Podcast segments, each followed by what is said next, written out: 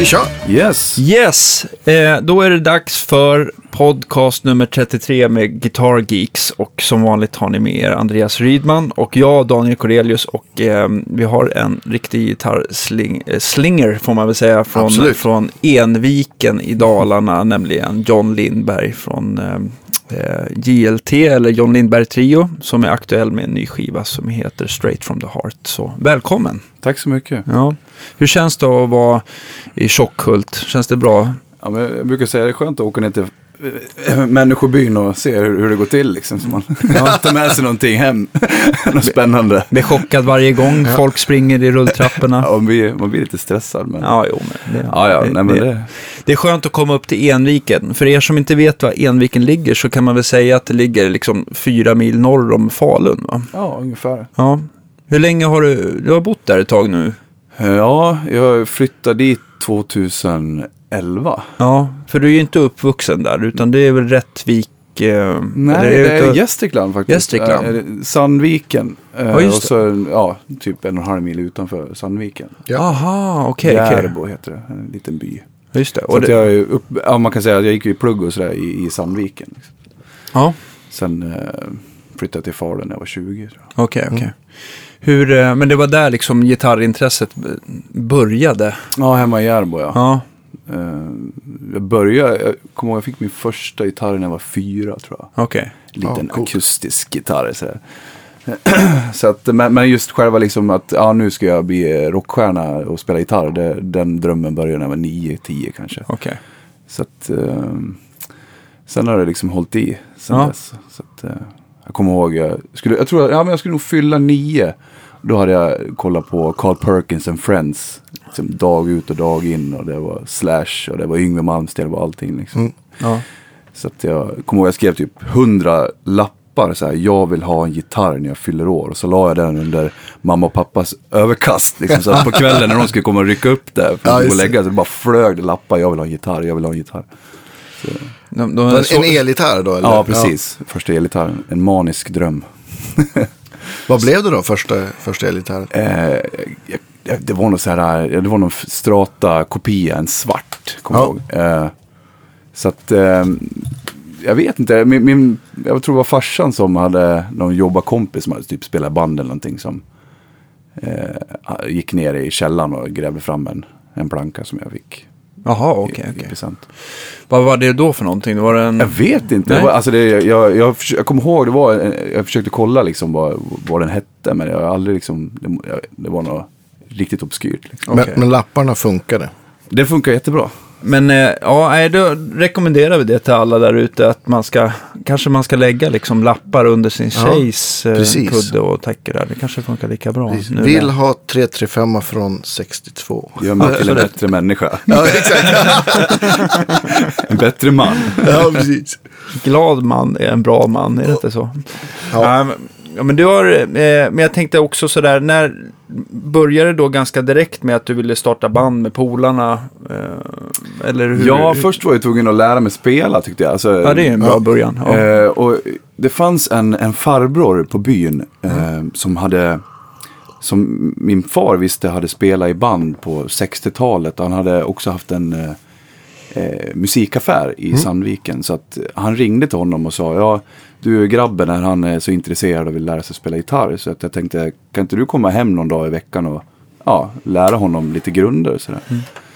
Och eh, han kom hem och vi, ja, han satt och lärde mig liksom eh, ackord och, och Ja. jag kommer ihåg eh, det första vi började med ganska snabbt det var ju alltså instrumentalmusik, alltså typ Shadows och Ja, just det. Spotnings. Jag tror att Apache var den absolut första låten jag lärde mig på gitarr. Ehm, och sen kom det här, man gick på plugget att ja, nu ska vi ha en show. Så att nu ska alla få komma och uppträda och sådär. Och Det var ju som Spice Girls som gällde. Folk stod och mimade till Spice Ja, Girls. just det. Men jag tänkte, äh, men fan jag ska lära mig spela Apache till den här showen liksom. Ja. Så att det kommer ihåg mitt första framträdande var 11 tror jag. Typ skolaulan Ja, ja, men eller matsalen. liksom, liksom. ja. Och då kompade han mig och så spelade jag Apache. Jag tror vi Ja, körde grymt. Atlantis också. Ja. FBI och de här klassiska grejerna liksom. Eh, och, och jag kommer ihåg, det fräna var ju att den här gubben, han hade så mycket grejer. Alltså, han hade eh, ja, förstärkare och gitarrer. Så att han sa till mig, ja men när vi, när, inför gigget här då ska jag ta med lite bättre grejer. Mhm. Så han, han eh, kom hem med en, en Fender. Jag, det var, jag tror det var en 63 Super Reverb. Mm. Som, som vi skulle använda då, liksom, för det fanns Ja. det reverb i den. Ja, och jag kommer ihåg när jag hörde, alltså, och han hade, jag tror han hade en 58 Strata. Som jag fick Yeah. låna. Shit. Och han kompade mig med en 65 Jaguar. Och jag kommer ihåg det, alltså, kommer ihåg det första liksom, jag pluggade in gitarren och drog på reverbet och volymen. Alltså, den känslan liksom, Ja. jag fick i kroppen som 11 bast. Ja. Det, då, då var det liksom, var kört, Det var klart. Ja. Jag, skulle, jag kände att det här vill jag, oh. Liksom, Det här ska jag göra. större än livet. Ja. så, för lite, så att, alltså, första gigen man gjorde, liksom, stå där med en strata, en superverb, liksom, det var ju ja, en bra start tycker jag. Vi, ham, vi hamnade sen, eh, vi fortsatte efter det här gigget så började vi lira ihop, alltså typ så här på, hemma på byn. Och, Mm. Ni och, två? Ja, vi Ja. två. Han kompade mig, jag började sjunga liksom. Och, Mm. Åkte runt och lirade liksom. Sen, sen eh, när allting växte lite grann så hamnade vi i en konflikt. Alltså vi startade, jag tror jag startade första företaget när jag var 16. Liksom, för att vi giggade så mycket. Jaha, Men okej. åka runt och spela instrumentalmusik och ja. Grejer. Så Vad, blev, vad, vad bestod konflikten av då? det var ju att vi åkte och spelade liksom varje helg, fredag, lördag, man var Ja. 15-16. Och, Mm. och till slut så kände man fan nu måste vi väl ha spelat ihop lite pengar. Så att jag Ja. skulle vilja ta ut en slant för jag måste köpa en, någonting. Ja. Och då fanns det inga pengar liksom. kvar. så, Nej, så, så att vi hamnade i, den, i en sån där konflikt. Så det var ju lite tråkigt alltså, Ja. att, det, att det blev så. Aha, okej, okej. Så att du blev lite Sådär, så att- utnyttjad helt enkelt? Ja, kanske det. Så att då försvann ju gitarrerna och förstärkarna helt plötsligt. Så att, Ja, jag förstår. Det var en eh, dyr hyra helt Det var en enkelt. dyr hyra. Ja. Men det var värt det tycker jag. Ja, absolut. Men är det inte så, alltså du har ju, du är nog kanske en av dem som jag känner som har spelat så otroligt eh, flitigt, framförallt live eh, under alla år. Jag vet inte hur länge jag sprang på dig första gången, men det måste ju varit där ungefär när ni släppte första skivan med John Lindberg Trio. Ja, Och då- vilket år är det ungefär? Var, det var ungefär samtidigt som ni släppte med Ja, Domestic. 2000, 2006 Ja, va? precis, För vi stämmer. hade ju, vi hade ju, vi lärde känna varandra på grund av att vi låg, bägge- eller ligger bägge två på Enviken Records. Just det. Mm. Som, som fortfarande är aktuellt för er. Vi har, Mm. Ni har inte heller, heller rört på er så, även om ni har liksom något samarbete med någon, Ja, någon större bolag. Nej, men vi, vi jobbar med Patrik fortfarande. Som äger det, Enviken. det känns tryggt tycker jag. Man vet var man har han och det är lugnt och sansat. Så att, Mm, ja, Det är bra. han är likable kan man Ja. väl säga. Mycket hjärta Mycket hjärta. i musiken. Men det har ju varit extremt, ni har ju varit extremt flitiga. Eh, hur mycket, ni måste ju ha legat, det har ju varit över 100 spelningar om året i många, många år. Ja, ja, i början, alltså när vi började turnera, det var 2004. Ja. Liksom, då, då, då var det ju så här, finns det ett eluttag, då lirar vi. Ja. Alltså vi, vi, vi, jag tror vi gjorde liksom 150 gigs. Mm. Alltså vi har ju spelat överallt. Ja. Eh, och det har ju hållit på så liksom sen 2000. Medvetet för att liksom sprida, Ja, men, vi, ja, men sprida att ert ja, band. vi, liksom, och- vi, vi ska leva på det här. Vi ska Ja, spela musik. Vi ska, Ja. Jag ska inte göra någonting annat liksom. Att, och då när man var, då var man ju 17-18 år liksom. Så då var det ju bara gasen i botten. Liksom. ja, precis. Eh, sen har det ju, ifrån det har det ju vuxit liksom år efter år. Och ju, så nu, nu är man ju på en nivå som känns bra liksom. Ja, för ni har ju liksom inte fått liksom det gratis. Ni har ju verkligen jobbat svinhårt för att komma där ni är idag. Nu har ni ju liksom blivit en väldigt etablerad, eh, vad ska man säga, det är ju, liksom, det är ju som en Eh, jag tror folk härstammar mycket att det är ganska mycket rockabilly-influenser och blandat med rock sådär, eller, eller roots. Hur skulle du vilja beskriva musiken själv med John Lindberg Trio? Alltså det är jättesvårt. Alltså det är en hybrid av allting. Alltså det är ju som, som vi i bandet, vi är ju så influerade av allt ifrån blues liksom, till rock, Ja. rockabilly. Alltså det fin- allting finns ju där. Och, och, ja, det är, man, det är man inspirerad av. Liksom. Ja, precis, precis. Men jag skulle nog säga att det är, det är nog, ja, alltså för att göra det enkelt så kan man ju säga att det är rock'n'roll. Alltså det är, Ja. Det, det, det är drag liksom. Precis, men, men jag tänker så här, rock'n'roll är ju också ganska brett. Jag tänker, ni, det är ändå inte, ni har ju ändå ett ganska uppdaterat sound. Ni är ju Mm. inte någon så här som lägger karbonpapper på, eller, eller vad heter det, 57. smörpapper och, på 57 och liksom mallar av det exakt ton för ton va? Nej, så är det absolut Så att inte. det, um, jag tycker det är skönt. Men ni har ju, man kan, säga, kan man säga att ni har en fot nu och en fot tillbaks. Ja, men så är det. Ja, vis, liksom. ja, ja, så är det. Alltså, jag älskar ju gamla grejer, förstärkare och alltså sound och sånt där. Ja. Och på något sätt så vill man ju ta det gamla och föra det in i det nya. Alltså Mm. mixa ihop det för att göra det intressant för en själv och för publiken. Och, Mm. och, och liksom ge dem någonting de inte har hört förut. Alltså, Det är ju som att plocka olika kryddor. Ja. Vanligtvis så kanske man använder salt och peppar. Ja, men Ja. vi tar peppar och chili bara. Alltså förstår du? Alltså, Ja, ja, precis. och, och testar och, och, och experimenterar med kryddorna. De musikaliska kryddorna. Liksom, för, för att skapa vårt eget sound.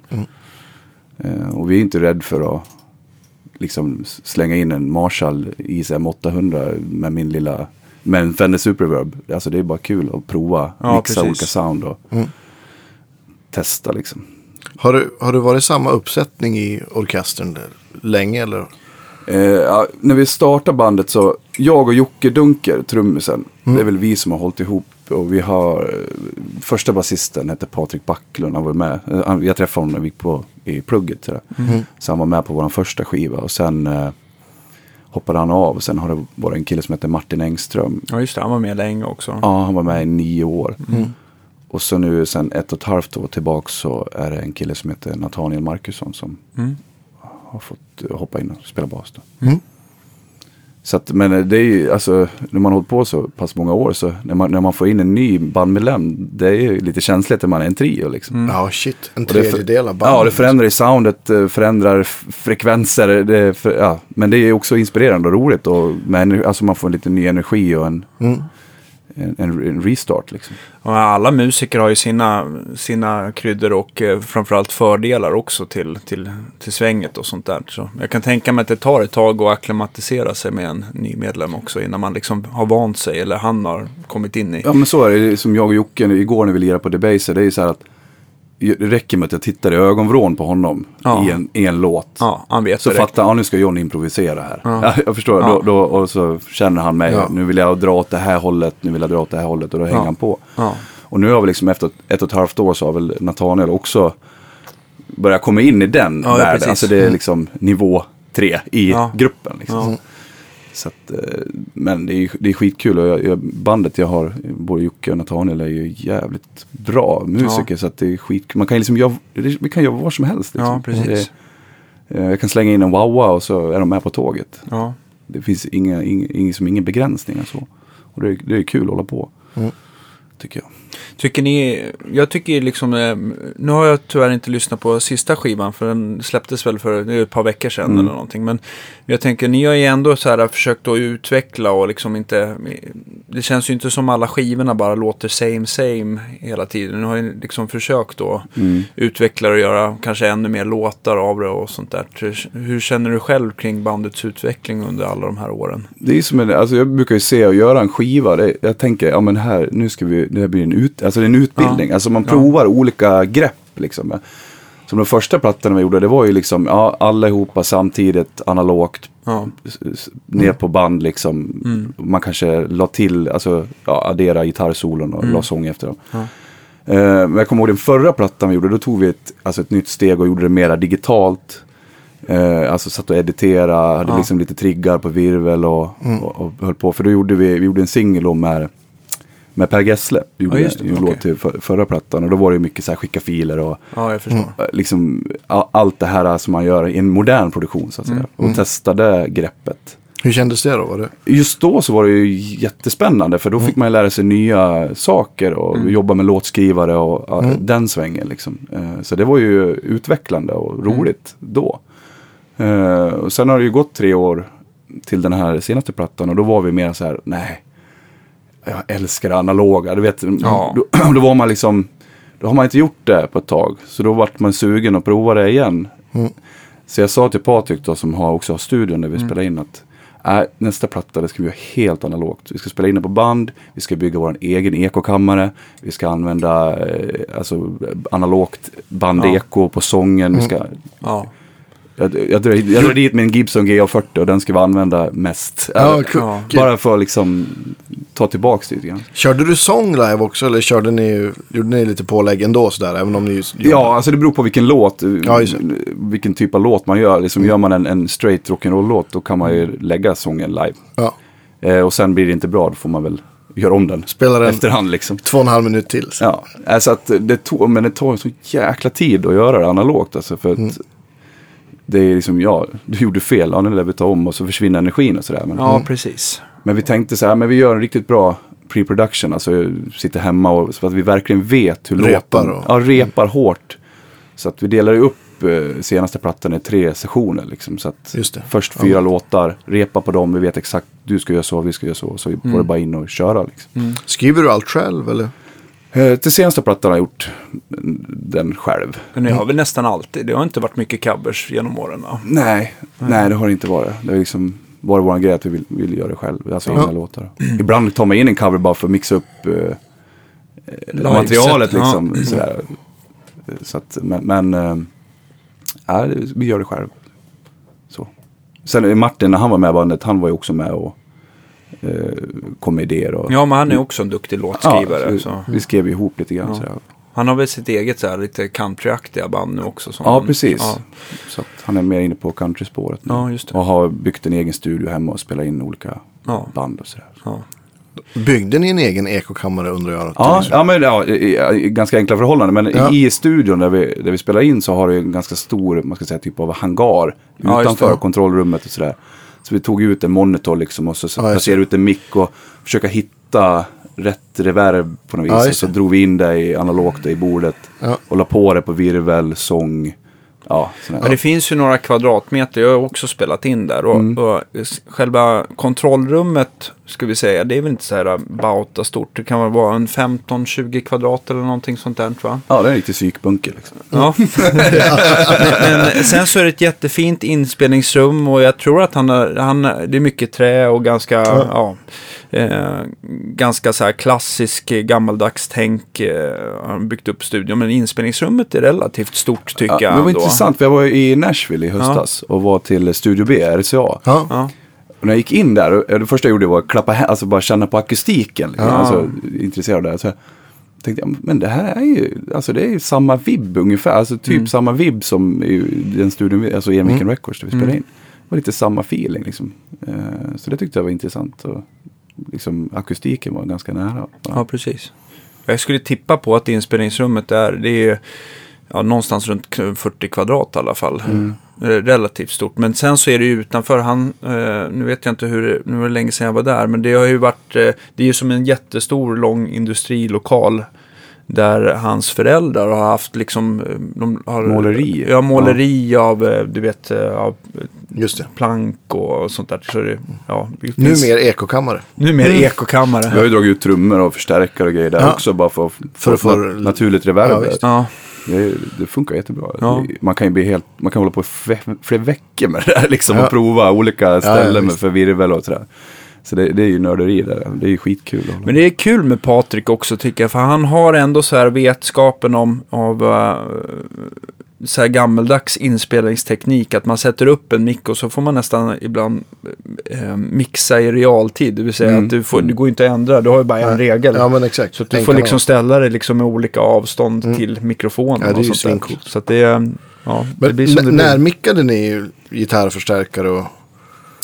Ja, det gjorde vi. Vi hade, nu kommer jag inte ihåg exakt vilka mickar vi hade, men, men eh, det var ju fina band, alltså gamla bandmickar och sådär. Så att vi, det berodde på lite vilken typ av låt man skulle Ja, visst. Liksom. Är den lite luftigare, ska man liksom göra en luftig låt och man kör lite fingerpicking och sånt där. Då hade man en bandmick kanske lite längre ifrån. Och, Det berodde på vilken förstärkare. För jag, jag kommer, alltså som live då kör jag på en, en Vibro King och en Tone Master Fender.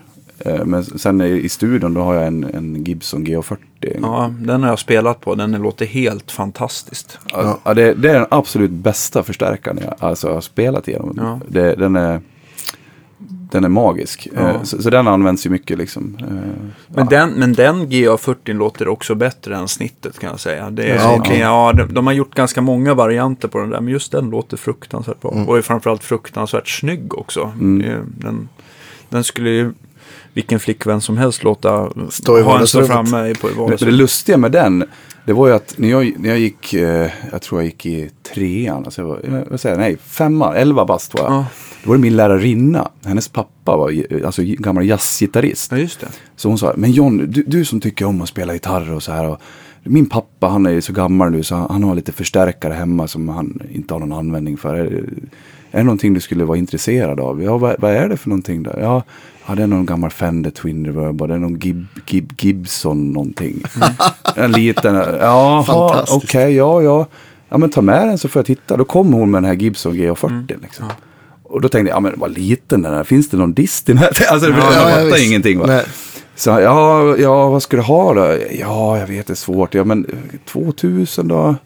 Så jag liksom åkte hem till mamma och pappa. Jag har den här förstärkare Gibson. Jag, jag tror det, det är nog bra grejer liksom. Ja. Jag fattar, mina föräldrar har ingen koll liksom. Ja, men du, ja, du får ju klippa gräsmattan när sommaren jobbar så fixar vi det. Ja, vad bra. Så då Ja. köpte jag den. Men jag, jag var liksom, förstod inte på det riktigt då. Nej. Så jag ställde, ställde den i en garderob typ och, och ville ha en uh, 412. Ja, ja, precis. Sen gick det några år innan, innan jag liksom förstod att vänta nu, undrar vad som händer om jag bara drar på full volym och du vet, åker på mastern på gitarren. Och Ja, helt plötsligt så var det så här wow. Ja. Ja. Och tremolot i den är ju, tycker jag är fantastiskt trevligt. Alltså. Det är som Duane, Duane Eddy tremolo jävlar i den liksom. ja, det är ju jättesnygg. Jag tror att den, den är ett bias-tremolo i den där. Så att den har den här jätte... Man får det här stora sinus-vågstremolot som låter helt fantastiskt. Så att, ja, jag förstår att du gillar den. Jag kan, jag kan skriva under på att det, det är en av de bästa stärkarna jag, små Ja, de kombos är som jag har pluggat in i alla fall. Så att, ja, den är, den är jag väldigt rädd om. Ställ- Stod ni i samma rum då och spelade så att med liksom läckage och grejer mellan stärkare och... Ja, Vissa, vissa låtar gjorde vi så. Och sen eh, om det var liksom en lite modernare sådär, man behövde separera trummor och sådär, då, då gjorde vi det. Spela in trummorna bara. Och jag kanske stod i kontrollrummet och man hade förstärkaren i ett annat rum. Och så Ja, just det. Så att det, det beror på låten lite grann, Ja. liksom, vad det är för typ. Så får man anpassa sig för att hitta det soundet man vill ha. Liksom. Mm. Så att vi gör på lite olika sätt. Ja. Vad, vad, vad, körde du för gitarrer då på inspelningen? Ja, alltså just nu är jag inne i en sån här, eh, jag, jag gillar 335 Gibson. Ja. använder jag. Och sen eh, gillar jag, jag kör på en, en ny Gretsch White Falcon. De har gjort en ny serie med en, en centerblock. Alltså det är typ, Mm, ja, en, just det. Ja, typ som en 335. Det, det har jag liksom varit inne på nu. Dels också för att det funkar jättebra live. Ja, jag kan tänka mig att en vanlig halvakustisk med en Vibro King och en, en Tone Master, det, det, det kan bli rätt stökigt Ja. kan jag tänka mig. Sådär. Och Sen har jag en, en, en country club, en 61 Gretsch Mm. country club som jag eh, gillar. Den är också så här tunn. Alltså lite, Ja, just det, precis. Eh, Så Chet Atkins. Ja, den funkar också bra. Men, men den har inte den här stocken. Men, men, men just att den, den, den ja, det är bra, bra sound. Det påminner lite grann om en 335. Och med, med centerblocket så vinner du lite, lite sustain uppåt halsen och sen så Ja. framförallt att inte locket börjar själv svänga mot stärka volymen sådär. Så. Alltså jag, jag har alltid varit en, alltså inte, ja, Gretsch har ju legat mig nära liksom. Ja, jag, jag har aldrig sett utan en Gretsch-gitarr. Du har ju haft, eh, du har väl haft också Gretsch-spons ganska länge nu? va? Ja, precis. Jag har Fender, Fender och Gretsch. Ja, just det, i Så- samma så- koncern. Ja. Så, så, så att, nej men, eh, men, men jag har ju provat. Alltså jag har haft Gibson Goldtops. Jag, Ja. så här, jag har ju testat många du, grejer. har gått, liksom. du har gått laget runt Ja, man, man, det, det är så här femårscykler liksom. Ja. Jag vet inte hur många Fender Bassman jag har haft. För att jag har gått, gått runt liksom och säger, ah, men det- oh, Bassman låter bra. Och så är man, går man runt och så blir det en ton. Det- du vet, det, är- det är never ending. Ja, ja, visst. Vill ju prova. Det vet alla som lyssnar på den här podcasten. Man köper en förstärkare och den här låter så bra. Undrar om jag kan få tag på en annan som låter ungefär lika fast lite bättre. Så Mm. Man s- vill alltid ha det ljudet man har fast på lite bättre. Ja, precis. Men jag tänkte på, eh, det blir mycket GA40 live i studion och sånt där. Mm. Men är det av någon anledning också att det är svårare med när starkarna blir för starka? Nu kan vi säga att GA40 den är inte på 40 watt utan snarare kanske på 13-15 watt eller Ja, det är så sånt där. Ja, den är ganska Är det mycket två svag. 6 vid 6 eller? 6v6 är mer likrikta rör så Ja, det, det. du får inte ut Ja. så mycket mer. Men det är ett Men- sam, samspel liksom med studion. Alltså man, just det här att man kan gaina på Ja. alltså, lite grann ifrån studion. Alltså i, Mm. när, när man spelar in. Ja. Och då har jag märkt att just GA40, du, du får en bättre dynamik med den. Dels Ja. så kanske för att den inte är lika stark, spelas lika starkt. Den dödar inte rummet på Nej, samma sätt precis. heller. precis. Så Jag att kan- du får, får ett, spärr, ett större omfång. Liksom. Ja, Vibro Kingen är ändå uppe på en 60 watt Ja. 310 så den spelar ju starkt. Ja, och sen så ja. Tone Mastern är väl uppe på en 100 tror Ja, jag va? precis. Du kan, du kan ställa om den tror jag. Så att du kan Ah. köra 30, 60 eller 100 Ja, okej, watt. just det. Men det går alltid på fullt va? Ja, Ja. live gör det. Jag kommer ihåg när jag köpte Vibro Kingen och, och tänkte, och så har jag en 212 låda till den, Ja, alltså ja. den som är till. Tänkte, ja men nu, nu ska vi klara mig liksom, nu ska vi funka live här. Jag, eh, Nej, det funkar inte. Fort jag trycker på boosten och ska upp i solo, då, då, och Jocke går på riden, Hä? då kräks det liksom. Hä? Så då eh, adderar jag den här tone som jag har Just nu. Så, Men- så att den fyller på. Jag, jag har faktiskt eh, spridit lögner i tidigare program och sådär. Jag har ju Oj. alltid liksom tänkt att alltså, en högtalare till ska addera eh, ljudtryck, men det stämmer ju tyvärr inte. Eh, utan att Men när- more is more. Ja, precis. Ja, det ser mer ut. Men egentligen så är det ju bara att eh, effekten fördelas mellan de, de två högtalarlådorna. Det säga 310 i, i Vibro King och 212. Så att, så att eh, den effektförlusten som, ja, som skulle ha varit till 310 liksom halveras då. Hälften går till 212. Vilket, mig- gör att, vilket Ah. gör att det inte blir starkare i slutändan i Nej. alla fall. Då. Men om man har fler högtalare till samma förstärkare så jobbar varje individuell högtalare mindre. Så man Ja. kanske vinner lite. Man kanske vinner lite headroom Mm. åt andra sidan beroende på vilket element man har. Men, men, eh, Men, kör du, du kör två, två olika förstärkare Ja, samtidigt precis. då? För mig, alltså det handlar inte om volym egentligen så, utan det handlar mer om frekvenser. Ja. Alltså för att kunna fylla ut, eftersom man, man lirar live som en trio. Mm. Och jag använder ganska mycket octavator, jag har lite chorus och sådana här saker. Och just Ja. för olika låtar för att jag ska kunna kliva igenom. ju- För det jag märker när jag kopplar på en 212 till Vibro King, just att man slår i oktavaten så får jag som en, en snyggare fördelning på ljudet. Ja, just det. Det blir lite fastare och, och eh, bre- större Ja, sound. ja precis. Så, så att det, det är mycket så här frekvens, alltså försöka få frekvenserna få plats och fylla ut tomrum och, och sådana saker. Liksom beroende på tonart. Alltså om jag spelar, om vi kör en låt i D-dur. Så ska jag gå upp och göra solo på tionde bandet. Då, då, då kan man tappa, alltså, och Nathaniel spelar bas med en öppen D-sträng. Då tappar man ju frekvens, alltså någonting i ljudbilden. Det blir en annan frekvens liksom. Och då brukar jag addera en, en uh, oktavator just, Ja, just lite grann i det. För att bibehålla trycket. Att det liksom. bär lite Det bär bättre. ännu ja. mer. Alltså när jag Ja, går upp och liksom, kör på det så håller jag i, man håller i liksom, trycket ut. Intressant. Mycket, jag jobbar mycket sådär. Och så liksom, Jo- Jockes hi-hat lock låter på ett sätt. Ja, hur ska jag ha för EQ för att vi ska kunna liksom balansera ljudbilden tillsammans så att det ska bli så fett och stort som möjligt. Ja. Det är som live, då har jag ju en mick, jag tror jag har en Sennheiser på så här, vad heter de, 906 eller Mm. har jag på Vibro Kingen och sen 57 på Tollmastern. Och sen har jag också en Redbox. Just det. Eh, beroende på vilken typ av lokal. Men spelar man på större lokal, det är dånare, så kan ju våran ljudtekniker dra på Redboxen så att man balanserar ljudet med stärkaren. Ja, precis. Det, är eh, det som är bra med Redboxen det är väl i och för sig eh, att den är en mickplacering kan ju ändå, om den flyttas lite grann så kan det ju påverka ljudet Ja, ganska ja, drastiskt. verkligen. Men det gör ju inte Redboxen. Den kopplar man ju då alltså mellan slutsteget och Ja, högtalarlådan. precis. och drar line därifrån. Så att just den riggen jag har nu live, det är så här, ut, ja, har ju blivit liksom efter alla år, alltså olika scener, så, så vet jag att jag har, jag har garderat mig liksom ljudmässigt för att fixa Ja. de, de flesta venues liksom. Va, vad sitter på pedalbordet då? Om man, Ja, om man det- går från, från början. Den är ju väldigt basic sådär. Jag, jag, jag kommer ihåg den första pedalen jag köpte var en Boss Overdrive, den här, de här Ja. gula.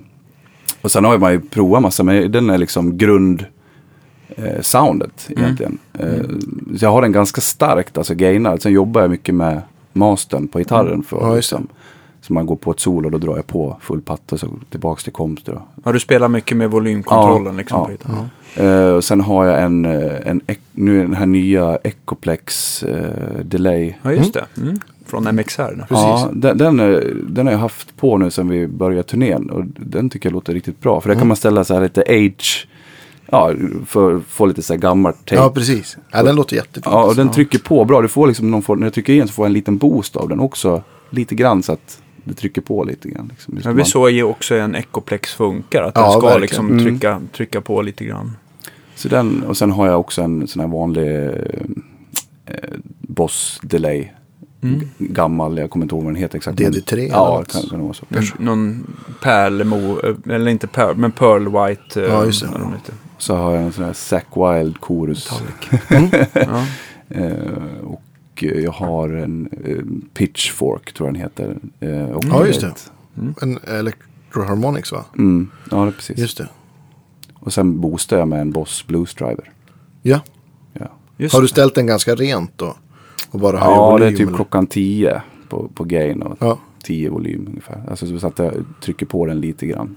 Och den skär också lite botten liksom. Mm. Om man ska sola, om typ jag ska sola i E, alltså med öppna strängar så här, då, Mm. då tar den bort lite djupbas också i. Det blir lite fastare. Ja, det trycker igenom, kommer igenom lite grann. Liksom. Okej. Speciellt också om jag använder pitchforken och bluesdriven så får jag en ganska bra eh, frekvens, alltså trycker Mm. igenom. I. Hur, hur splittar du till stärkarna då? Jag har en, eh, jag, jag går in i pedalbordet och så har jag en, eh, amp, alltså en amp switch någonting på stärken. Okej, Så, så okej. att det är liksom en signal in och så. Två ut. Två Ja, ut. två Så- direkt. Och de går alltid samtidigt? Ja, det går stärkarna. samtidigt. Ja. Ja. Så, att, eh, så det är ganska enkelt så.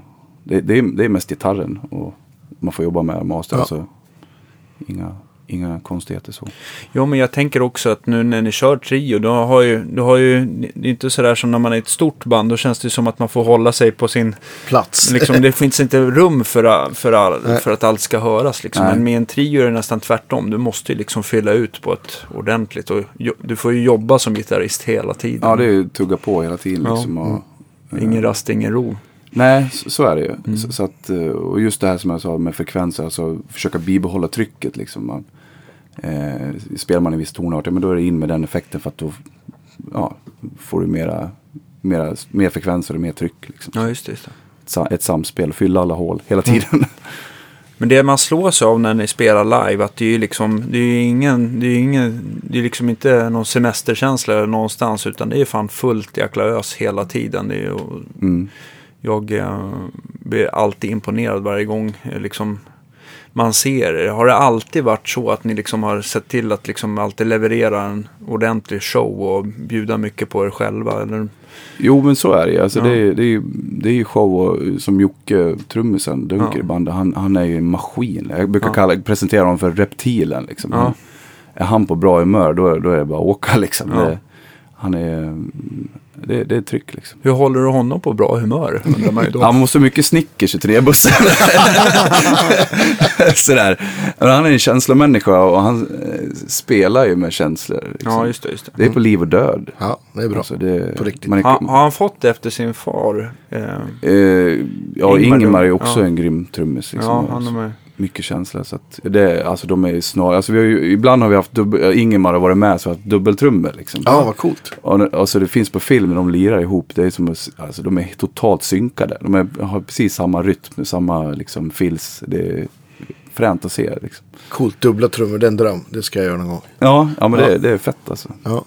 Då lär man, då lär man dra på volymen. Ännu mer. Ja, då måste du nästan addera en stärkare till. ja, ja, men visst. Man känner sig, jag, när jag tänker på att du har en Vibro King med extra låda och en Tone Master, då känner jag så här bara, det är för bra för att vara sant.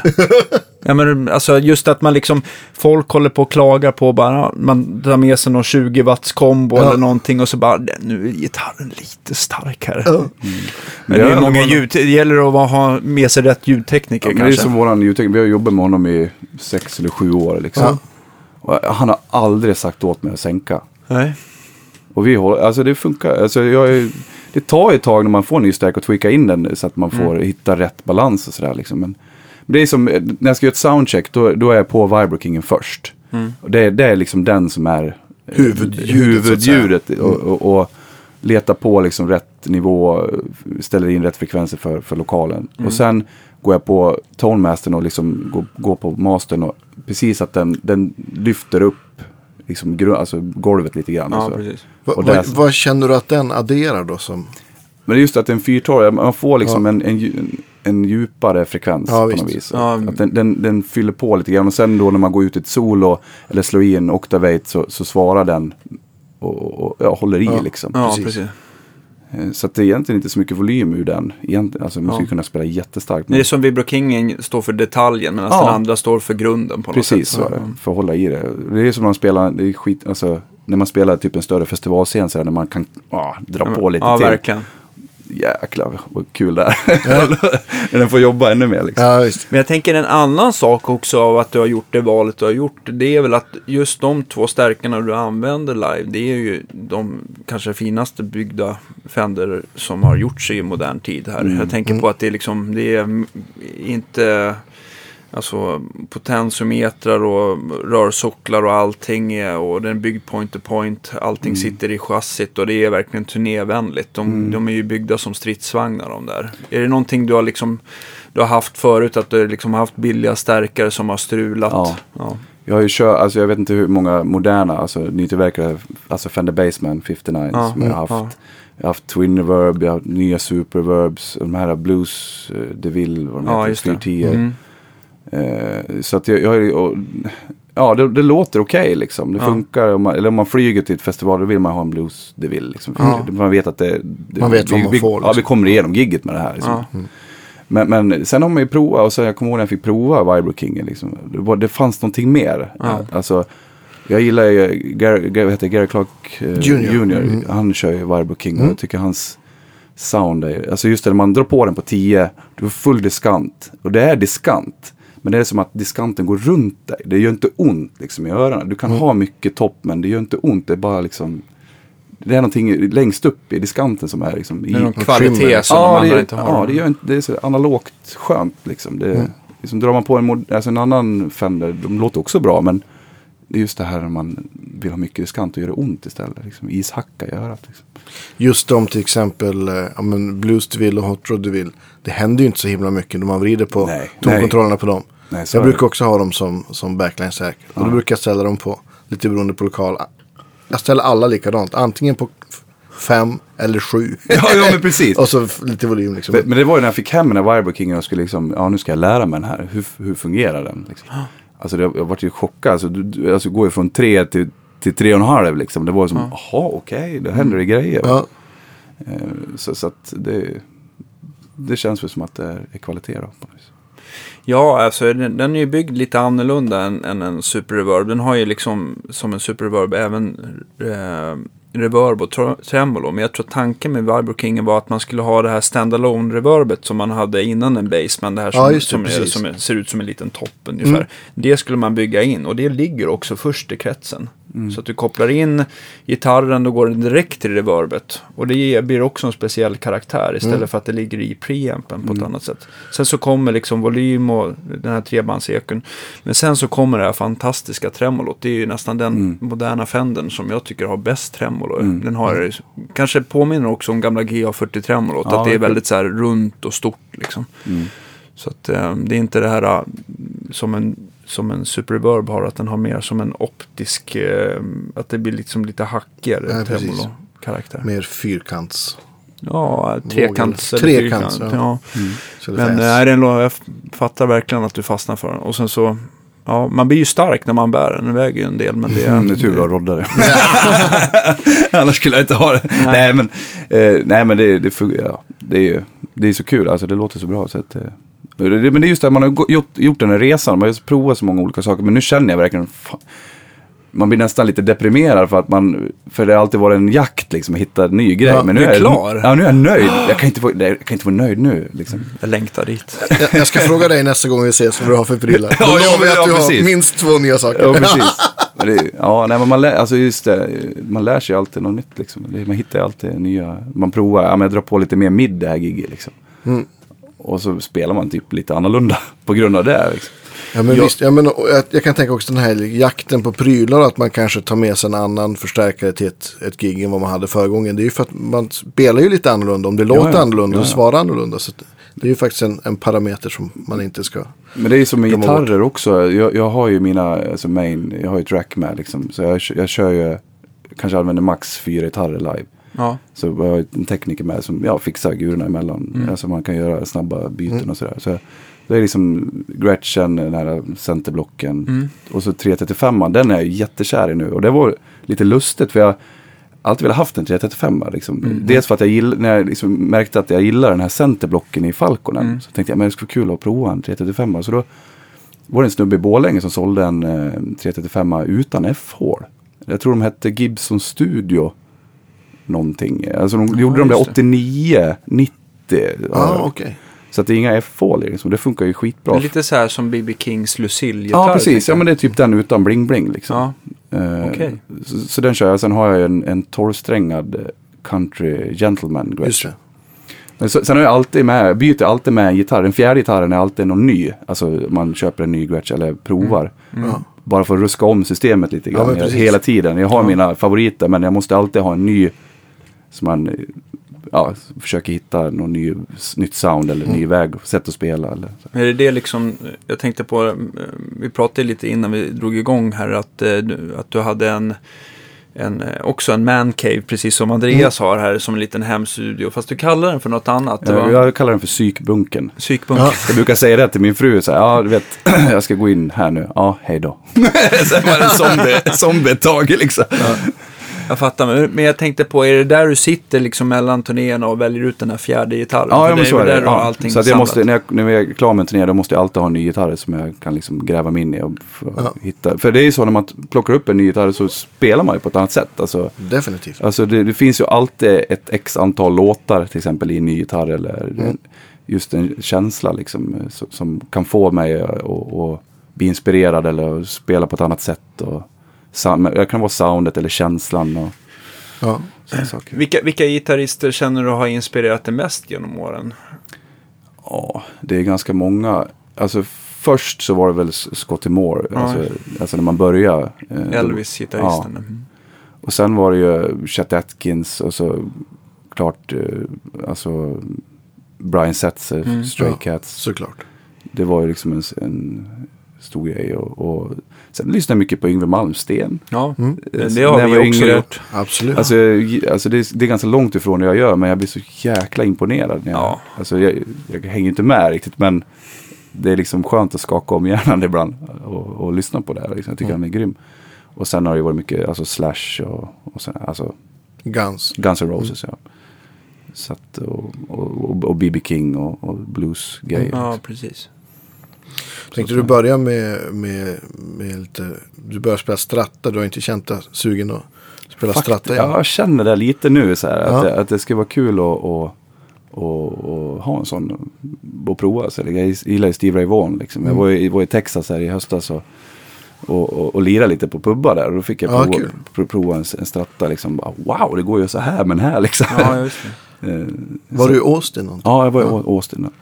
Var du ner till statyn? Ja, ja, för jag stod, och röck liksom. Ja, det. Har väl alla man- gjort. Som, Ta med en bit hem. ja men eller hur?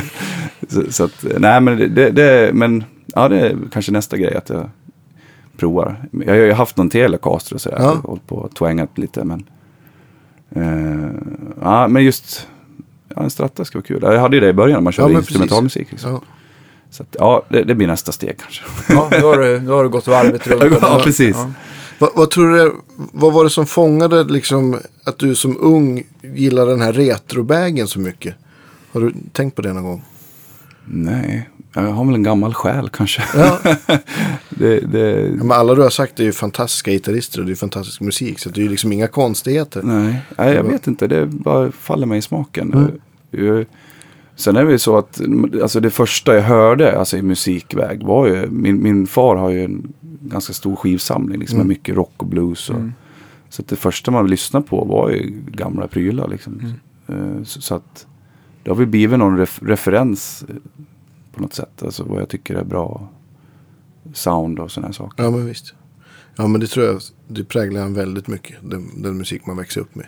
För det är som, man har ju gått, alltså, lyssnat på jättemycket musik, liksom, olika genrer hit och dit. Men när man känner sig förvirrad då sätter man ju på det man lyssnade på när man var liten. Ja, men visst. Mm. Som att komma hem på något vis. eh, Herreys. Chris, ja, men, men så Chris Spedding, Link Ray liksom. Då, ja. då vill man ju bara sprätta en öl direkt och gå bananas liksom. Ja. Rumble med Link Ray, då, då är jag liksom, åh, det är så jävla mäktigt. Liksom. Ja. Det är vårt intro när vi kliver på på giggen, där kör vi Rumble med Link Just Ray. det, just det.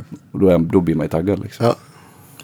Hur, hur jag tänkte på, eh, ni är ute lite och turnerar nu givetvis för den här nya eh, skivan Straight from the Heart. Hur, hur, hur ser framtiden ut här? Är det fullbokat för er hela sommaren eller har, har du någon, litet, någon liten andningspaus? Jag har två veckor i september. Gud vad skönt. Eh, nej men det är mycket liksom hela tiden. Vi turnerar hela sommaren Ja. nu. Vi, kör nu. Vi kör nu på våren, vi kör hela sommaren. Eh, så blir det lite lugnt i september, så blir hösten i oktober. Sen har vi en egen show i eh, Falun i eh, november, december. Okej, Ah, okej. Så jul. Ja, precis. Så att, så, Med gäster då eller? Ja, ja, ja.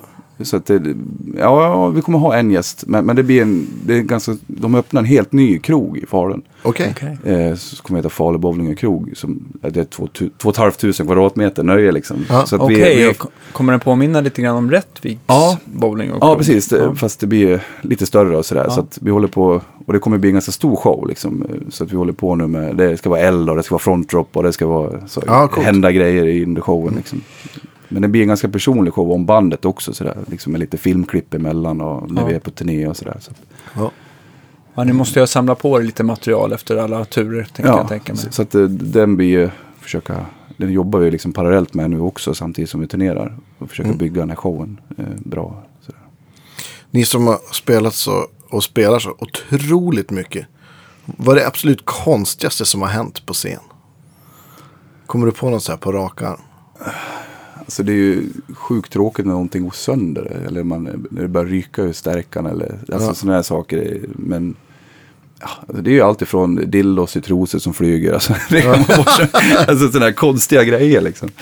Eh, men alltså det, det jag är mest rädd för, det är när Jocke får feeling, alltså överfeeling. Det har hänt ibland att det fin, finns på film också. Han, han, som typ sista låten så här, där man Jag slår sönder trummorna. han slår sönder trummorna Ja. liksom. Jag vet Ja, inte, det gör ja, han, han, liksom, han, han kan bara ta upp golvpukan och bara slänga över hela sättet liksom.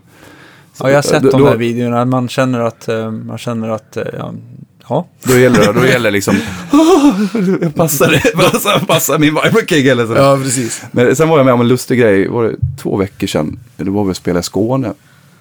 Och då hade jag, ja, körde på 335an. Och så, ja, det var liksom avslag på sista låten, det var ett jävla drag liksom. Fy fan vad kul det var. Och så tog jag av mig gitarren och så kastade jag upp den i luften.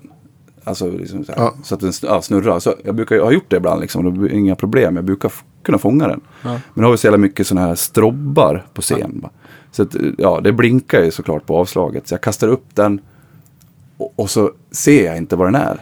Nej. Jag ser inte vad gitarren är. Så jag bara, du vet, står i, i mörkret och försöker få den. Och så hör jag bara bang! Så tittar jag, så ligger den i två delar. Han slag över monitorn, ligger i två delar. Och publiken jublar ju liksom såklart. Ja. Och jag bara, yeah, yeah, rock and roll liksom. Jag tror jag tar upp kroppen och så kastar den en gång till. Bara för liksom ösa på ännu mer. Och så kliver jag av scen och så känner jag liksom bara, nej. En tår i ögat. Ja, men liksom, det, gjorde, alltså, det är ingen superdyr grip. Men för mig så betyder det ju jättemycket. Alltså, Ja, den låt, det är liksom, jag känner mig hel med den liksom, Ja, som gitarrist. Och då var det ju panik liksom. Så att eh, då ringde jag en, det finns en fiolmakare i Falun. Mm. Så jag ringde, du, min favoritgitarr, ja, den, det hände en olycka liksom, vad kan vi göra? Eh, men först så ja, mejlade man lite folk man känner, Janne Lindén och jag tänkte Mm. sådär. Mm. Men ja, så att, eh, men han kunde, han, jag tror på två dagar så satte han ihop guran liksom. Limmade Ja, det den. var ett sånt, eh, ett bra brott. Ja, det, så det, det var ju flög inga flisor utan det gick ju liksom av i hals och kropp. Så, Ja, så att Nu är jag, den bara starkare vet du. ja, men så, så slängde jag på ett nytt sätt och så drog jag ett E bara, ja, perfekt. det funkar direkt så det vart det, vart det glad i själen igen. Ja. Strängar du gitarrerna väldigt olika eller kör du sam, samma till allt? Mm, ja, det, ja, som Falconen och 335an då har jag, eh, jag kör 010 52. Okej. Mm. Eh, för jag ville ha lite tryck i bas, alltså när jag Mm. kompar liksom, kör mycket waka waka och sådana här grejer. Då, då vill jag ha lite tryck där. Sen, Har, har du märkt något, något fabrikat som har funkat bättre för dig? jag, tror, jag tror nog Diadario är favoriten. Mm. Samma här. är vi ju ganska... För jag tycker den är lite. Ja. mjukare liksom. På något vis. Alltså, när man ska bända, eh, den känns lite mjukare på något Mm. vis. Jag gi- gillar den. Men sen när jag har, jag kör någon Gretsch Duo i ett och jag har någon, eh, någon Gretsch senaste heter Broadcaster som jag fick hem för någon vecka sedan. Som är, den är lite kortare hals på dem. Så då kör jag, tror jag kör 011 49 eller 0, 010 46 på dem. Mm, okej. Får, det, är, det är lite olika men, men eh, som 335 och Gretchen Falconen då kör jag 010 52. Stämmer du alltid E till E? Ja, det gör jag. Det är vanligt. Mm. Eh, händer att jag ibland kört några låtar förut. Då hade jag i D, stämde D. Liksom, få- Mm. Inte dropp det utan ja, D till D. Ja, det, ja, precis. Ja, just det. Eh, sen har jag haft, eh, ja, brukar ha någon bariton ibland. Och sådär också. Mm. Ja, det är coolt. Mm. Jag använder mycket på, på inspelningar. Ja, ja, men det är, man kan dubba med en Ja, bariton. men precis. Det är fränt. Så att ja, nej men det, det som känns rätt eh, kör jag på. Liksom. Ja, precis. Man får ju testa sig fram. Verkligen. Jag, jag tänkte också så här för folk som vill eh, gå och kolla på er i sommar. Vad är det lättast då? Liksom, titta in, eh, antar jag att ni har en hemsida. Kanske johnlindberg.se. .se. ja. Ja, Så vi, finns vi på Facebook och Ja. Instagram och allt vad det ja heter. precis. Får man välja och vraka där.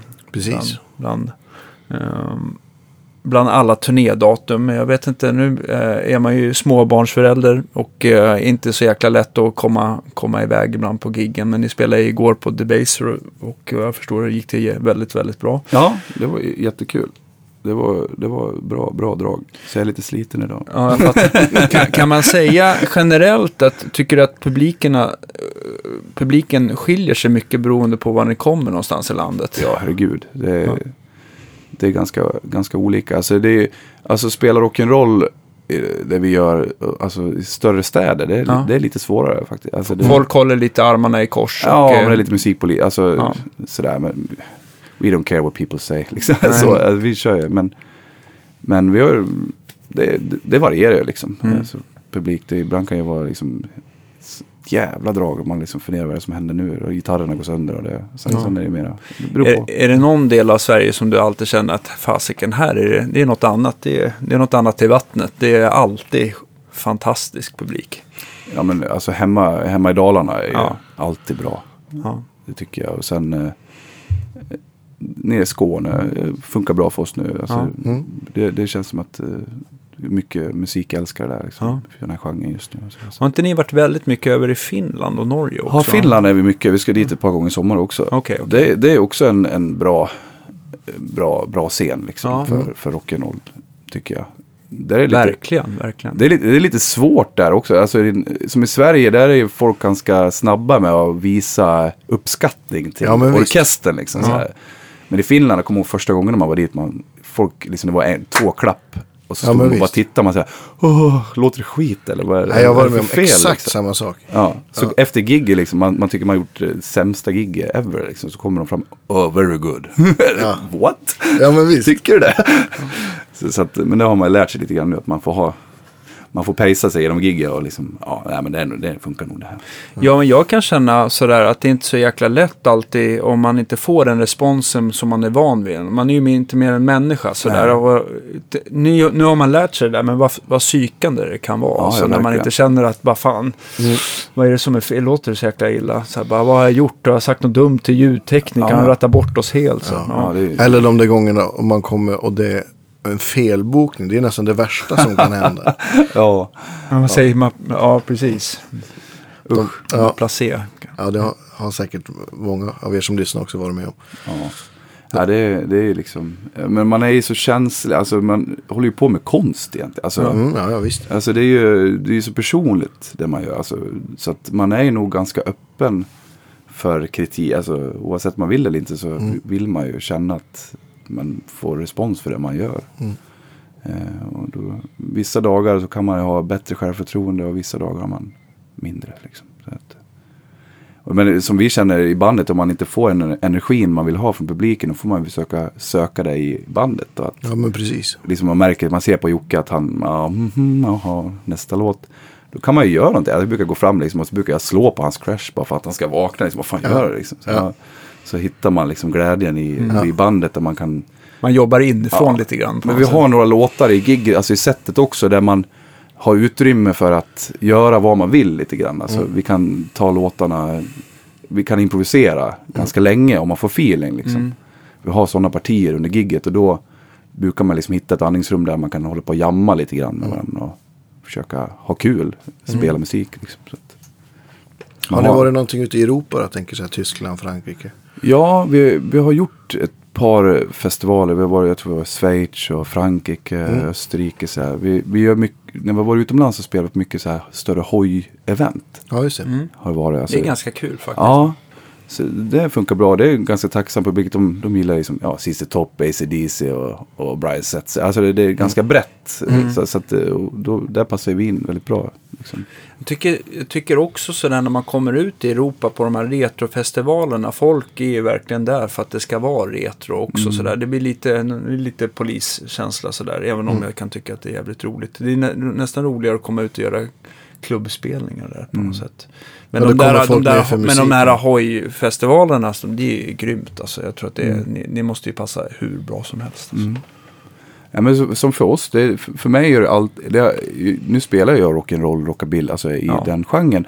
Men för mig har det alltid varit musiken. Alltså, det, det handlar inte om att vara, ha rätt kläder och sådana saker. Alltså, det, det har alltid varit gitarrerna, musiken, låtarna, soundet, alltså den grejen liksom. Så det, tror jag, det är därför ni, ni har sån framgång också tror jag. För att, för att det inte är liksom något som görs alltså bara som en, liksom en, vad ska man säga, en modefluga eller för att nej, det ska nej, vara det, rätt. det är ju, det är ju, Utan det är ju gör- kärleken till musiken. Ja, men liksom, precis. Som driver oss. Fan, skulle man inte ha passion för det man gör, då skulle man lika gärna kunna stå i charken på Ica. Liksom. och det är inget fel med det, men, Nej. men vi älskar ju, jag ska, även om man får betalt för ett gig eller inte, så kommer jag stå där och spela för att jag Men- älskar det. Liksom. Det, som är, det som ni ska ha cred för att ni, liksom, ni, kör, ni kör det ni själva gillar först och främst och liksom försöker inte anpassa det för någon Nej. annan. Liksom, utan ni, kör, ni, ni tror på en sak stenhårt och kör det och sen så Mm. skördar ni, har ni ju skördat frukten ordentligt här. Det är som en, den senaste plattan, den, den- var ju egentligen ett litet steg tillbaka just att vi gick in i den analoga världen Mm. igen. Och liksom ska man kriga på, på listor och sådär, då ska man ju ha ett visst ett typ av radiosound. Eller man, man ska göra det på ett visst vis, lite grann för att kunna Ja, precis. placera sig där. Men tanken vi hade när, när vi började repa inför den nya plattan, då tänkte jag när jag skrev låtarna också att hur låter det när vi spelar? När fäster det bäst? Vad är Jocke bra på? Vad är Nathaniel bra på? Vad gör vi bra tillsammans? Vad tycker vi är kul att lira? För end of the day så är det ju viktigt att vi har kul på scenen, att vi gillar det vi gör. Liksom.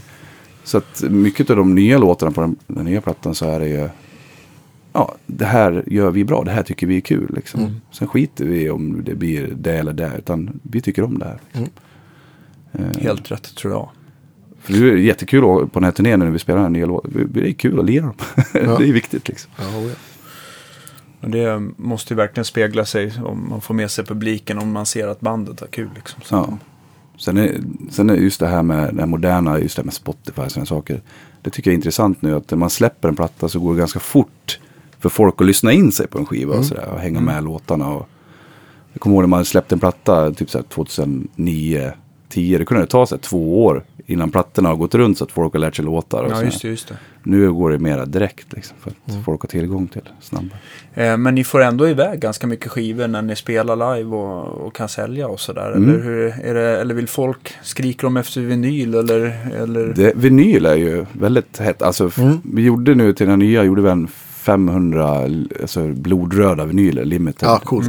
Och den är ju, jag tror vi har 80 ex kvar nu. Liksom. Ja, det brukar jag säga slurp. Så, så att det är ju, det är bara att titta till mig själv. Jag kör ju bara vinyl liksom, nu hemma. Jag köper ju bara vinyl liksom. Så att, det, det är kul tycker jag att det Säkert- kommer tillbaks. Jag har säkert nämnt det förut också, men oftast så här, man vill ju få ut musiken på mycket DJs och sånt där. Och det är ju nästan, i alla fall i den här retrogenren så har det ju varit så att de bara spelar vinylsjuor.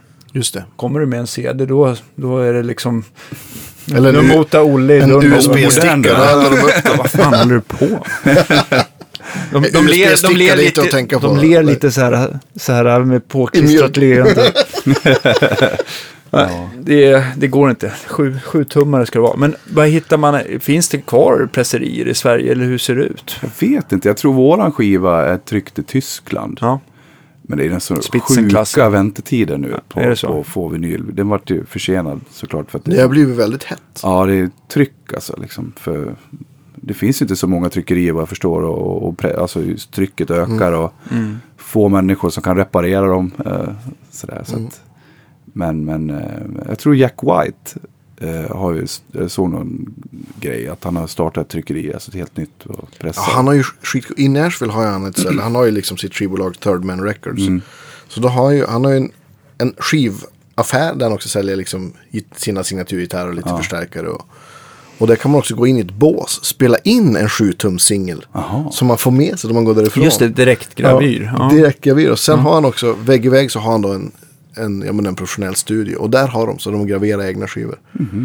Fränt. Så de, jag tror att de gjorde någon, någon så här, de slog något rekord här på du vet, så här, spela in en låt och släppa den så fort som möjligt. Så att den, ja, du vet så här, Ja. den kom fyra minuter efter låten Ja, var klar precis. så gav de ut singeln liksom. Fränt, Ja. ja. ja. det är kul sånt där. Man, Mm, häftigt. man gillar ju det där. Vad gör du då du inte, då du inte spelar rock'n'roll? Har du något som, som för att rensa hjärnan och själen hade jag säga? Jag har ju en familj också. Ja. jag har en dotter på, hon är tre år och, och fru och jag har ju hus och allt det här. Liksom. Ja. Så att det, det tar ju den tiden. Man vill Ja. man ju vara hemma och umgås med dem Ja. så mycket som möjligt. Klippa gräsmattan? Ja. Sen tycker jag om att resa mycket. Mm. Så att eh, när, när vi är lediga så, så reser vi. Och brukar tycka om att åka till Italien och Mm. äta. Ja, Allt det, trevligt. du är inte ensam tror jag.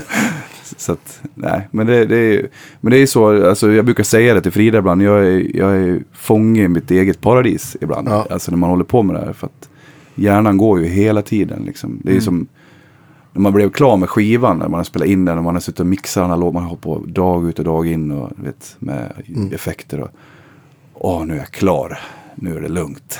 Mm. Så går det två veckor. Mm, jag har fått en idé här. Så börjar det om liksom. Då blir man nästan lite less på sig själv. Men eh, jag brukar säga till Frida, min fru, jag, ja, jag är så här. Ja. Men är det inte också lite bra äh, att man, man känner ibland att äh, liksom den här skrivarpennan, att den inte tar slut här. Bläcket har inte tagit slut utan att det kommer faktiskt ja, lite. Ja, det, det, det får man vara tacksam för. För det har ju varit perioder man liksom vi hade en period, ett, ett avtal, skivkontrakt där vi skulle leverera liksom tre album på tre år. Då, då, är det liksom, då blir man ju lite pressad. Alltså, Det är ganska många låtar. Ja, och då när man liksom, nu jag och Martin då, som vi gjorde de här låtarna, man skulle träffas en dag i veckan och vi skulle skriva låtar. Och Jag funkar inte så, jag får inte feeling för, jag, jag måste liksom få en feeling, jag kan inte sätta mig ner. Mm. Eh, Så, så att det där är ju, kan jag tänka mig, många författare och sådana saker Ja. också. Det, det är fånge i sitt paradis. Skriver du text eller musik först? Eh, det är lite olika. Oftast är det musik. Alltså Ja. man, sätter, man sätter sig ner, tar gitarren, leker med pedaler, olika effekter och så börjar man jamma ett riff. Mm. Liksom och så utifrån det riffet så börjar man... Oftast brukar jag sätta upp liksom så jag spelar in det Mm. samtidigt. Ja, just det. Sitter, lägger ett riff och så sitter man bara och mumlar liksom. Ja, visst. Mm, olika Fake-texter. ja, liksom. fake-texter, melodier till det här riffet och så prova byta ackord och bryta. göra Coola. Så helt plötsligt så får man ju någon form liksom. Mm. Så brukar jag lyssna tillbaka och så försöka, okej, ungefär, hur låter det här mumlet liksom, tänker jag, okej, det där skulle kunna bli det där ordet, det där mumlet, för att det, det ligger snyggt med riffet eller ackordet. Och, så till, till slut så formar man ut en text till musiken. Och, så. Så när du presenterar någonting för, för- för bandet så är det nästan alltid en färdig produkt sådär Ja. eller? Ja, precis. Så då spelar jag in, jag, jag har en, det är ganska enkelt, jag har en kachong, alltså ett, Mm. lägger trummor, lite tamburiner, jag spelar in lite bas, Ja. lägger gitarrer med riffen, melodierna, lite körer. Så att, Ja. så att när vi träffas i repan liksom, så presenterar jag idén. Det här är min grundidé, den här låten, så här liksom ganska avskalat. ja, just det. Jocke, nu, liksom, vad, vad, kan du lägga för bit på det här? Kan vi, liksom, så bygger vi därifrån. Ja, liksom. okej, okej. Men det är just att jag tycker det är viktigt när jag presenterar för bandet så vill jag att de ska kunna få en bild i alla fall av låten. Liksom. Mm. Och sen eh, ta det därifrån. Ja. Så, så att det kan ju hända att man spelar in en demo sju gånger. Bara för att man kommer på en sak under processen så byter man ut. ja, det. just det. Just det. Så att, eh, ja, det är mycket jobb. Det Liksom. finns många vägar till Rom och, Absolut. och, och Och inga rätt eller fel. Det är kul när man kliver in i psykbunken klockan nio på morgonen. Och så tycker man, ah, men nu har jag hållit på lite grann, kanske borde gå och käka lunch. Så är klockan tre. Ja. liksom då, det är en bra dag. Ja, det är bra då. Det går undan liksom. Grymt. Hör du, eh, vi har ju alltid en så här återkommande fråga till alla gäster. ehm, ehm, och det är att ditt hus i Enviken börjar brinna och du får bara ta med dig en gitarr från din psykbunker. Vad greppar du för någonting? Oj, oj, oj. Ja, det för måste... det är väl en och annan gitarr du har Ja. där nere va?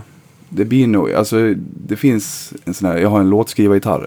som, som är liksom, det, vet du, om man skulle hamna på en öde ö, tänker jag då. Men, men det skulle börja brinna, det en Gibson eh, ES300. Mm. En, en 46, 47 tror jag det är. Det, det är liksom, ja, den, den funkar, jag sitter och spelar som en nacke och Mm. Just sitter en P, P90 på den och så är den lite ombyggd. Just det, men de brukar väl nästan inte ha någon cutaway heller. Nej, utan- den en, Så jag har en P90 i halsen ja, typ. Den har jag skrivit mycket låtar, alltså den betyder ju sjukt mycket liksom. Ja. Så den, då vet jag att jag kan fortsätta spela musik i alla fall. Om jag får med mig den. Ja, ja, De andra det- går ju säkert att hitta någonstans. Men, men Ja. den, den gitarren, den betyder mycket för mig. Liksom. Hur- får man fråga hur många, hur många Gretschar har du där hemma? Har du räknat dem eller, eller är det hemligstämplat? Nej, jag vet inte, jag har några garage, några psykbunken. Så att jag, kanske 10-11 Ja. Gretsch kanske. Så. Ja. Några Gibson. Sunt. Ja. Så att eh, all, alla tillför ju sin sak. Brukar jag säga till Frida, Ja, min fru. Bara en. En till. Får se om det blir någon stratta till nästa gång. Vi Ja, ses. precis. Ja, men det ska jag ge mig in på snart. Jättekul att du ville komma och vara gäst i vår podd. Ja, Ja, fantastiskt. Ja, vi önskar dig givetvis all lycka till. Och ni där ute, glöm inte att kolla in John Lindberg. Precis. .se. På återseende om en vecka. Ja, absolut. Ha det så bra. Hej då. Hej då.